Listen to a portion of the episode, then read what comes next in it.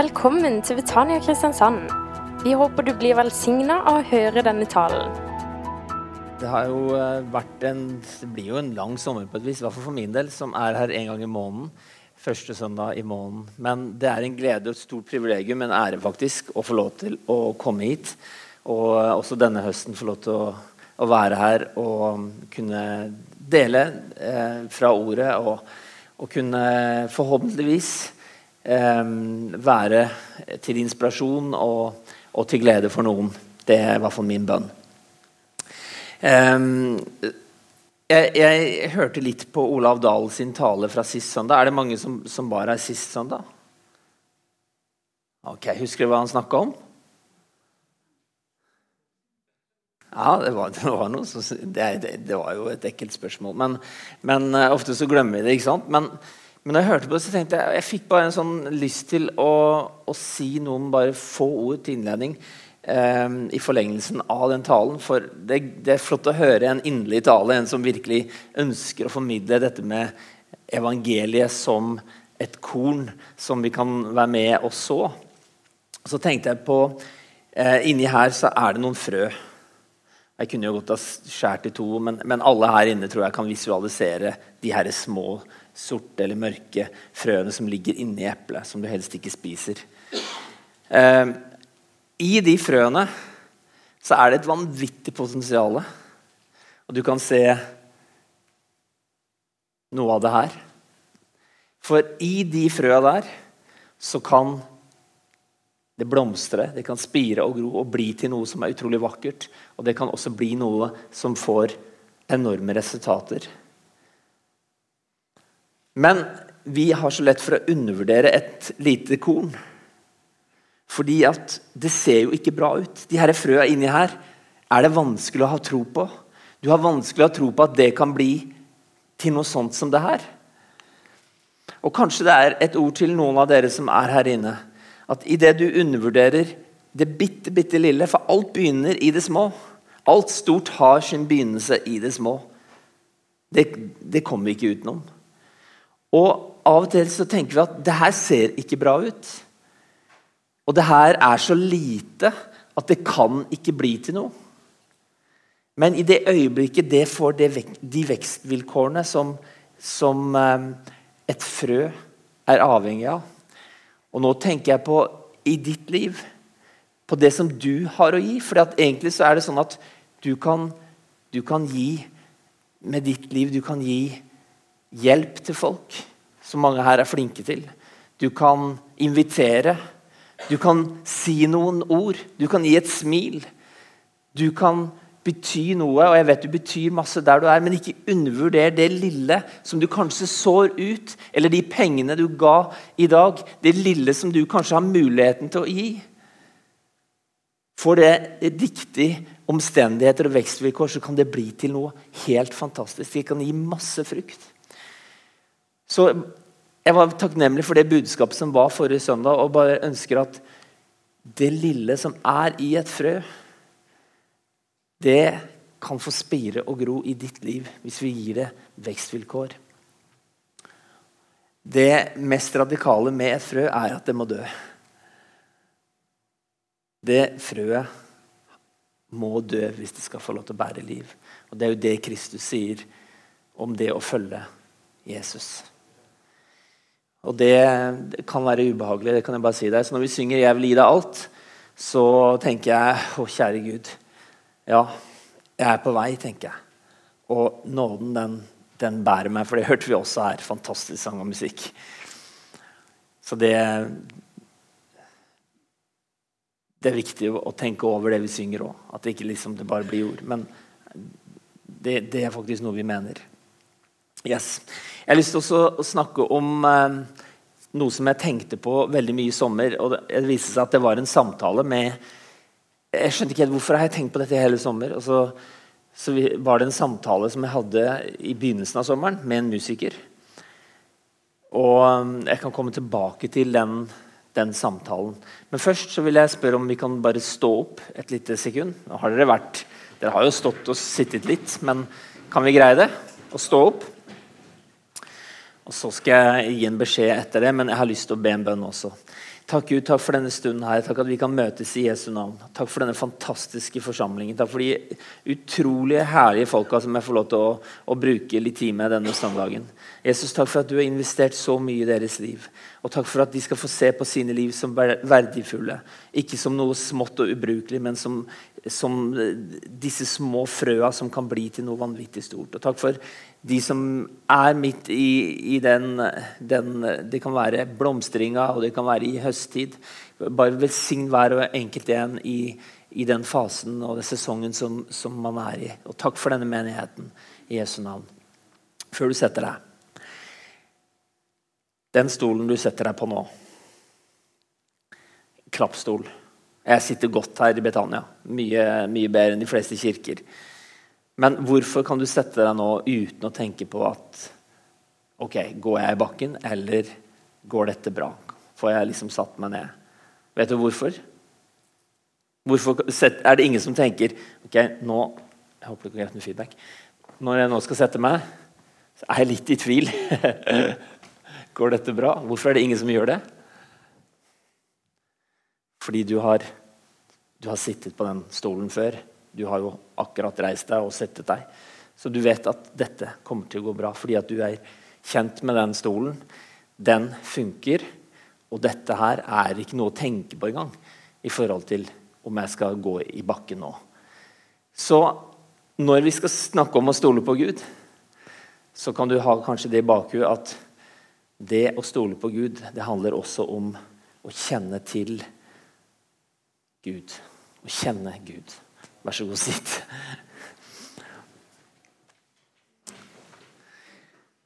Jeg har lyst til å nevne også den, den eh, historien med, med, den personen jeg møtte i sommer. En musiker, en, eh, en, venn.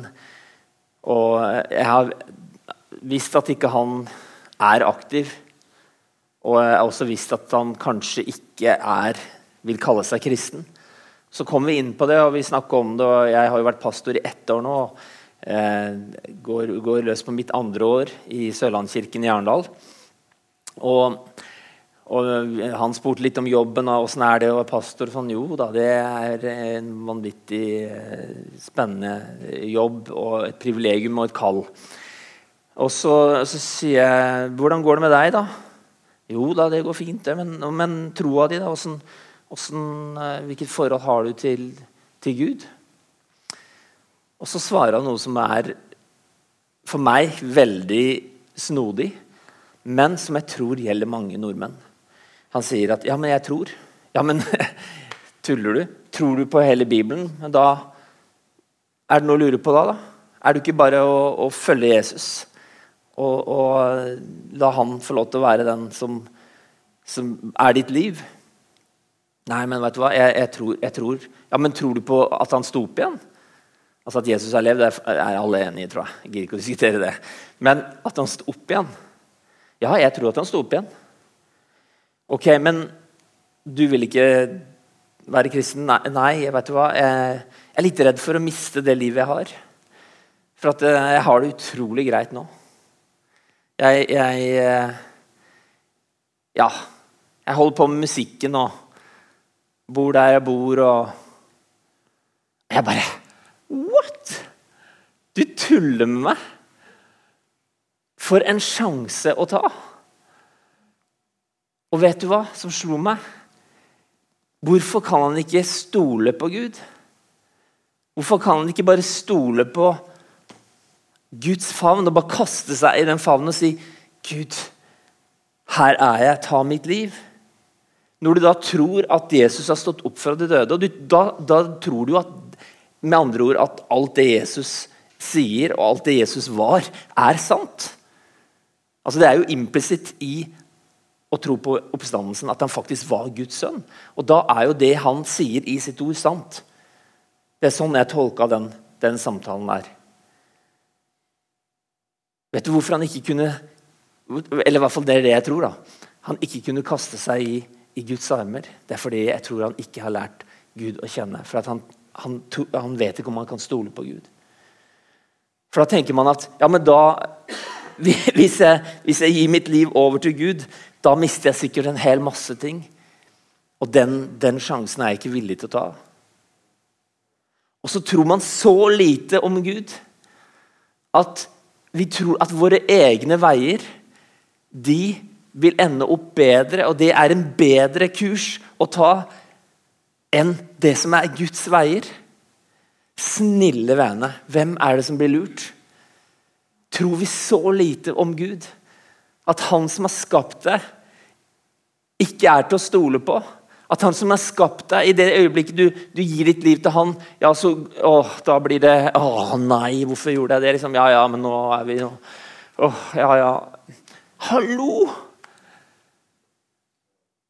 Det er Gud som har skapt hele universet. Han vet hva som er best for deg. Han vil lede deg slik at du kan ha det gøy, slik at du kan få leve ut det potensialet han har lagt ned i deg. Slik at han kan få lov til å være din hjelper og din venn. Og slik at han kan få lov til å være din ressurs her på jorda helt til du ender opp i himmelen og tar imot seierskransen som han har lova. Hva er greia?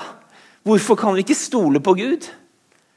Selvfølgelig kan vi stole på Gud, men hva er det med oss som gjør at ikke vi kan stole på ham? Og Hva er det i mitt liv som gjør at på områder i mitt liv så er det vanskelig å stole på Gud? Hva er det som gjør at vi holder tilbake når Gud ønsker at vi skal bare legge oss over i hans favn og oppleve den friheten det faktisk er å tilhøre han 100% som Guds barn? Og bli leda av han og være trygg hos han? I sommer så, så var vi eh, i det, den beste fornøyelsesparken jeg kan tenke meg. Den heter Six Flags. Og Her ser du min familie pluss to til eh, helt til høyre i bildet, som er noen venner. Men det er én person som mangler på det bildet. Og Jeg vet ikke om du, du greier å se det, men vi er en familie på seks. Hvem mangler? Det er mor mor mangler. Og hvorfor er ikke mor med? Vi har gleda oss i månedsvis. Vi skal eh, bl.a. ta den her. Den, den, ser du i horisonten der. Liksom. Den, den er, det er den der. Det er den. Og den, eh, den, er, er to rides i én. Den er én som, som, gjør at du blir skutt ut i, fra 0 til 200 km på tre sekunder. Og så blir du skutt opp der. Og oppå der så er det 147 meter. Og så går den rett ned igjen. Altså, det, er den, det, er den, greia her, ikke sant? Ops! Og så oi! og så har den en ting til. Du kan sitte de der, i de vognene der. Da går de 147 meter opp der. Og så blir de sluppet ned 147 meter nesten da. Og det er Oslo Plaza, Norges høyeste bygning, tror jeg, er 127 eh, meter. Eller nei, 117 er det. 117. Så det er liksom 20-30 meter høyere enn Oslo Plaza. Så sitter du der og dingler med beina, og så blir du sluppet med. Sluppet rett ned i fritt fall. Åh! Det, hva slår det? Men hvorfor er ikke mor med? Hvorfor er ikke mor med?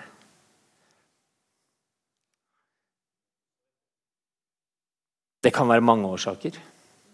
Men jeg tror den viktigste årsaken er hun føler seg ikke 100% trygg.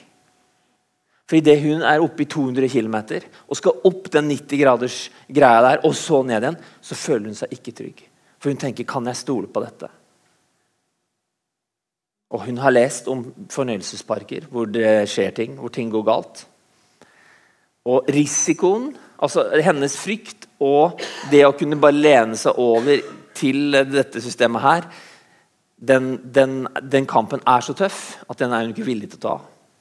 Mens vi andre fem, som er uh, happy-clappy og uh, fortrenger alt som kan gå galt, vi bare, ah, vi bare lener oss inn og nyter øyeblikkene.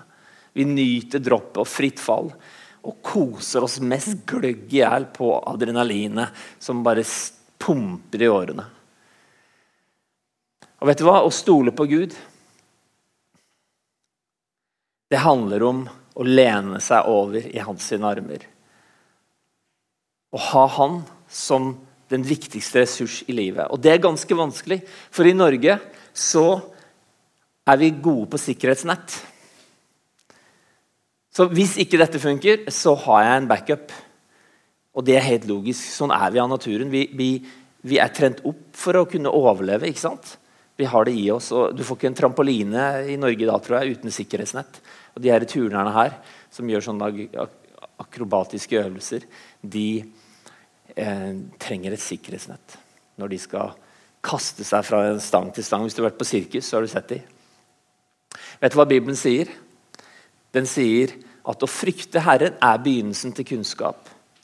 Og de dumme forakter formaning og visdom. Det er svart på hvitt, altså. Det er ikke meg som sier det. Frykt Herren, dere Hans hellige. De som frykter ham, lider ingen nød. Vet du hva? Jeg tror begynnelsen til å kunne stole på Gud, det er å frykte ham. Å frykte, det ordet der, det kommer galt. Altså det, det, det kommer ikke godt ut i oversettelsen i Norge. Fordi at å frykte, det vet vi er å være redd for noe. Å frykte noe, da er du redd for noe. Men det er jo ikke det som menes her. I Bibelen står det 365 ganger 'frykt ikke'. Og Da burde det stått 'frykt ikke', men 'frykt Gud'. Men Bortsett fra Gud. Så det er noe galt her. ikke sant? Og vi, vi, Jeg hørte senest nå eh, i går om en dame som var veldig redd for Gud. Altså Hun var redd hun ikke var bra nok, hun var redd for dommens dag. Eh, hvis jeg døde, så ville det gå galt. Fordi at Gud han skal du ikke tulle med.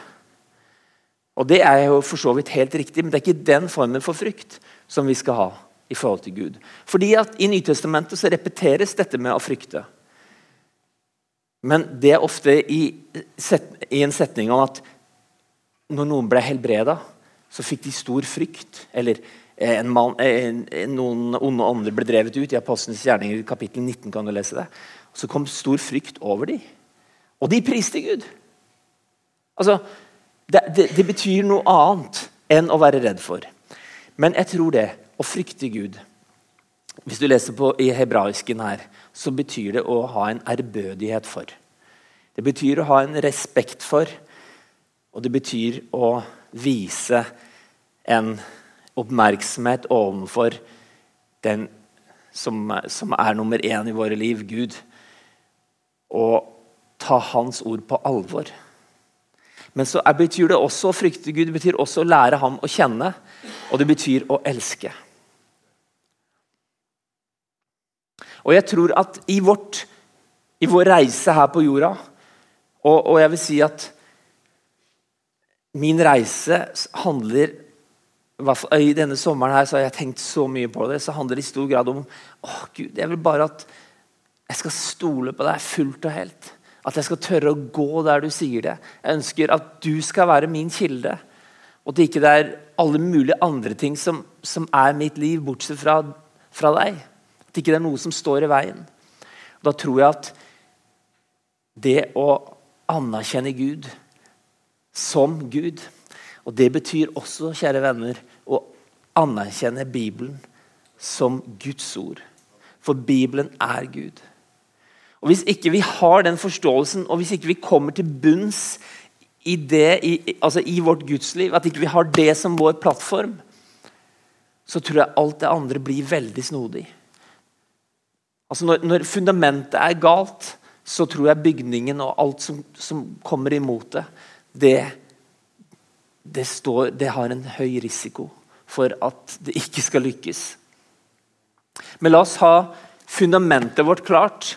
Det handler selvfølgelig om korset og om nåden. Og det finner du her. Og det er gjennom nåden Gud ser oss alle. Så du er ren og rettferdig. Og så skal vi, ha, skal vi anerkjenne Guds ord som den autoriteten det er i vårt liv. Og Det er en kamp om Guds ord eh, i samfunnet da, kjære venner. Det er vi som tror på Bibelen som Guds ord, vi er en minoritet. Vi er ikke 5 engang eh, i, i Norge som tror på Bibelen som Guds ord. Men Bibelen er Guds ord, og Bibelen er Gud. Og Hvis vi skal frykte Gud, så må vi også frykte og, holde oss til det som står her. Og det er fantastisk. Evangeliet er det ingenting som slår. Det er ingenting som er i nærheten. Men å frykte Gud det er begynnelsen til kunnskap. Å frykte Han, det, det, den lider ingen nød. Den kan være trygg. Den kan få lov til å se framtiden med håp. For Gud vil alltid gi deg håp. Men jeg tror å frykte Gud, ha en ærbødighet i forhold til at Gud er Gud og jeg er meg, er en kjempeutfordring. Og helt til slutt i forhold til det med frykte, så vil jeg si det at i humanismens Vi, vi er vokst opp i, med et humanistisk tankesett som har masse bra i seg, men som også har i seg den troen på mennesket at i oss sjøl så er vi egentlig et lite univers. Vi er oss sjøl gode nok, og i oss sjøl har vi svaret på alt. Men hvis du leser i Jesaja, så vil du, vil du også lese at Guds tanker de er mye høyere enn våre tanker. Hans sine planer er mye høyere enn dine planer. Vi må også huske på den biten i vår gudsrelasjon. At Gud, han, han er suveren. Han er over alt og alle. Han er til og med over dine valg og over dine beslutninger. Det er han som er den vi er underlagt. Og Det betyr at i vår forståelse og i vår, vår, vandring med Gud, så er vi underveis. I Paulus sier det jo, og han hadde ganske god peiling. Vi ser stykkevis og delt.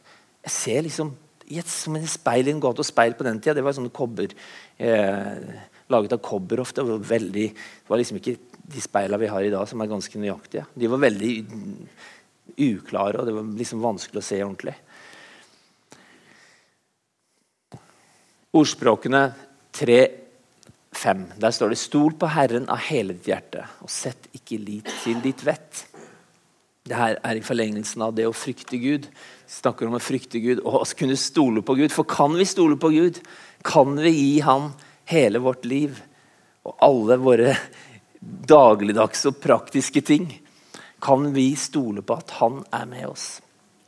Her står det 'Stol på Herren av hele ditt hjerte, og sett ikke litt ditt vett'. Hva betyr dette her?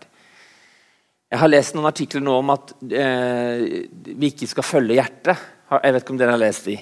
Det er skummelt å følge hjertet.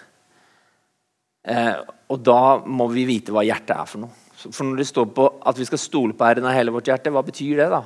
Hvis ikke man skal følge hjertet alltid. Og Jeg tror det bare er en forvirring i hva Bibelen kaller hjerte. For alltid så sier vi at hjertet det, det handler bare om at ja, ja følg Følg det du har lyst til, eller det du kjenner for. Gjør det du, du, du føler for, og, og blås i alt annet. Det forbinder vi ofte med 'følg hjertet'. Det er jo ikke det, Bibelen, eh, det ikke det som hjertet betyr i Bibelen. For Bibelens måte å beskrive hjertet på Hvis du går på grunnteksten her, eh, altså på hebraisk, da, og jeg syns det er litt spennende å se på sånne ting Der står det noe. Hjertet det er den indre overbevisningen din det er din vilje og ditt sinn og dine tanker. Okay? Det er en indre overbevisning, men det er også dine tanker, ditt sinn og din vilje. Det er det, det dette ordet 'hjerte' betyr.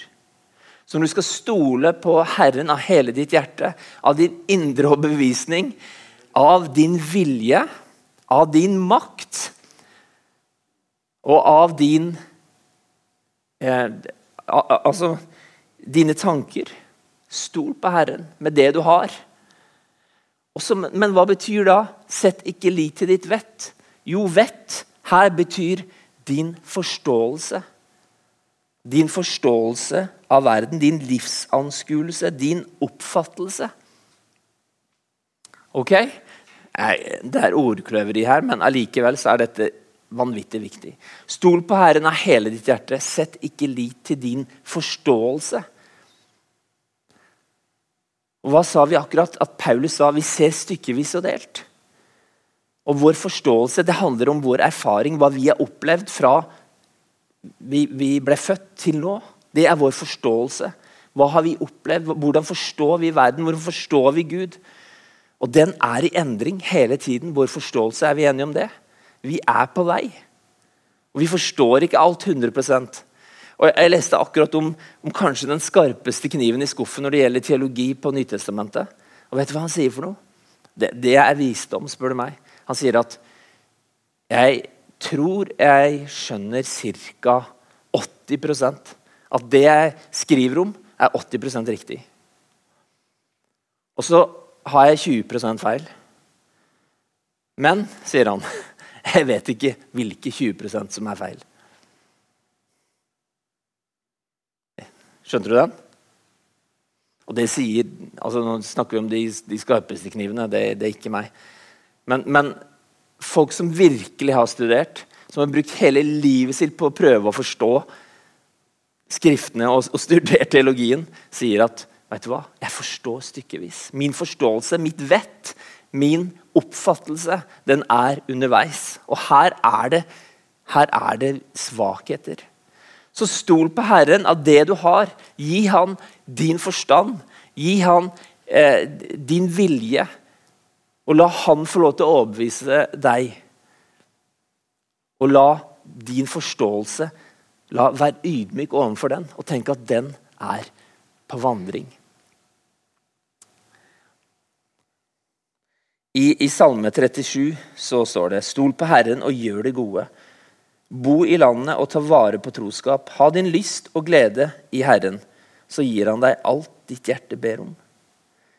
Legg din vei i Herrens ånd. Stol på ham, så griper han inn. Han lar din rettferd stige opp som lyset, din rett som høylys dag. Vær stille for Herren og vent på ham. Bli ikke sint på den som lykkes med sin vei, den som setter i verk onde planer.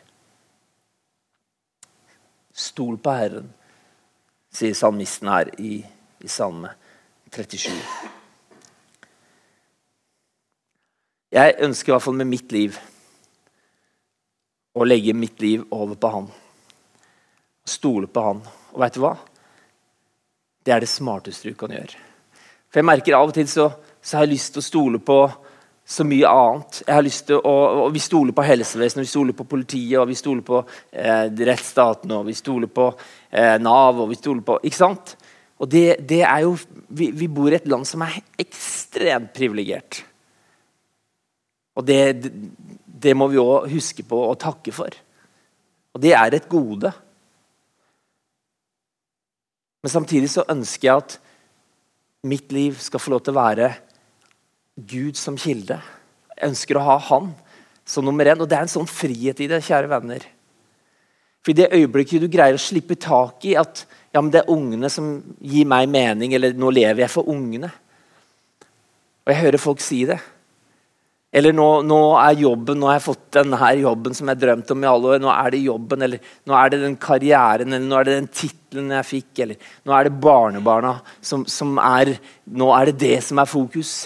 Eller nå er det hytta, for vi har jammen meg fått skrapt sammen til en hytte.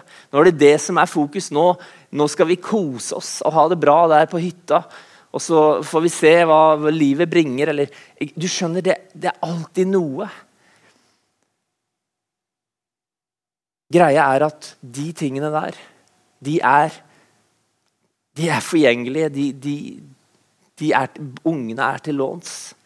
Og ditt liv er vanvittig kort.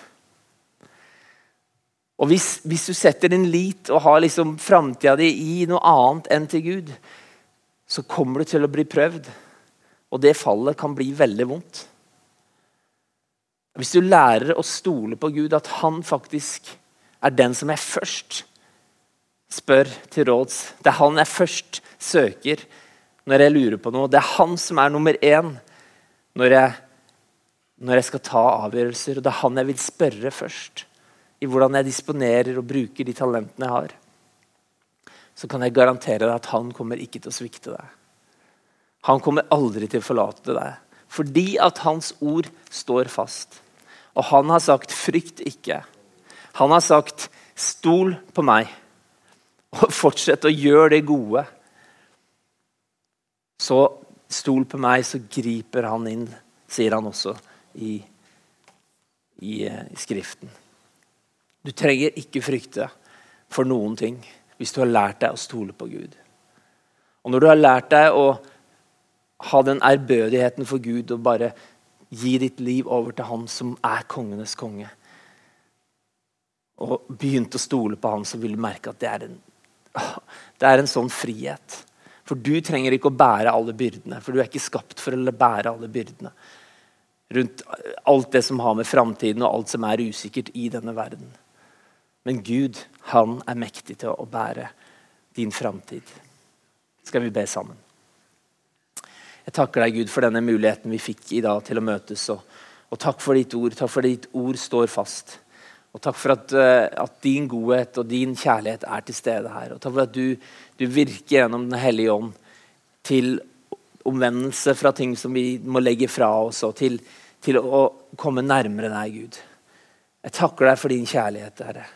Og takk for at du oppmuntrer mine venner og meg selv i dag til å tørre å kaste oss ut i dine armer. Og at vi lever i kjærlighetsrelasjonen til deg, hvor du er den som er nummer én. Og så ber jeg for hver enkelt en overfor den hverdagen og den høsten som ligger foran. At vi skal tørre å ta nye steg i å stole på deg. At vi skal tørre å ta nye steg i forhold til økonomi. At vi skal tørre å ta nye steg i forhold til det å være lys og salt på arbeidsplassen være lys og salt i nabolaget. At vi har gitt våre liv til deg, at det ikke er oss sjøl som lever. At vi ikke har oss sjøl å ta vare på, eller vårt navn, eller vår stolthet, eller, eller vår posisjon. At det er det, det er det vi først og fremst tar vare på. Nei, vi vil frykte deg, og vi vil elske deg, og vi vil stole på deg. Takk for at du hjelper hver enkelt her inne til å bruke denne tiden, den korte tiden vi har på jorda, til å ha deg som nummer én. Jesus, takk for at du, du oppmuntrer oss og aldri gir deg. Og takk for at du løfter oss opp gjennom din nåde og din kjærlighet. Takk for at du har sett en nåde i meg og alt, alt som jeg har i mitt liv. Og takk for at, at det gjelder alle mennesker på denne jorda. Så elsker du oss så inderlig. Og ønsker bare at vi skal komme nærmere inn til deg. Jeg takker deg for din godhet. Og Hvis du er her som, som, trenger bare å gi ditt liv på nytt igjen til Gud Kanskje du har gjort det allerede gjennom nattværet, og det er så fint å være samla rundt det også. Hvor det er renselse i, i blodet. Hvor det er fellesskap gjennom brødet. At vi alle har del i det samme legemet. Vi alle er avhengig av hverandre. Men hvis du trenger bare å gi ditt liv på nytt igjen til Gud, da sier Jesus du skal få være den jeg frykter aller mest. Altså den jeg viser min tillit til. Den jeg vil stole på. Og den jeg vil ha som nummer én i mitt liv. Så skal vi ikke bare gjøre det, bare ber en bønn for, for deg også. Jesus, jeg takker deg, Herre, for at, for at vi kan få lov til å gå på ditt ord. Og takk for det ansvaret vi får når vi, når vi hører ditt ord. At vi, vi lar det få lov til å spire og gro inni oss, og at det, det, skal få lov til å vokse. Og Jeg takker deg for, for de mennesker som har tenkt at ja, men Jeg har kanskje vært opptatt med så mye annet istedenfor at jeg har tenkt at jeg skal frykte deg mer enn noen, noen ting. Og takk, Gud, takk for de menneskene eller det mennesket her inne som, som trenger å ta det, den avgjørelsen. Bare takk deg for at du gir frimodighet og styrke til å bekjenne ditt navn som det høyeste navn og den høyeste autoritet, og til å kaste seg over i dine armer. Jeg bare takker deg for det. I Jesu Kristi navn. Amen. Du har nå hørt en tale fra Betania Kristiansand. For mer informasjon kan du besøke våre hjemmesider på betaniakrs.no.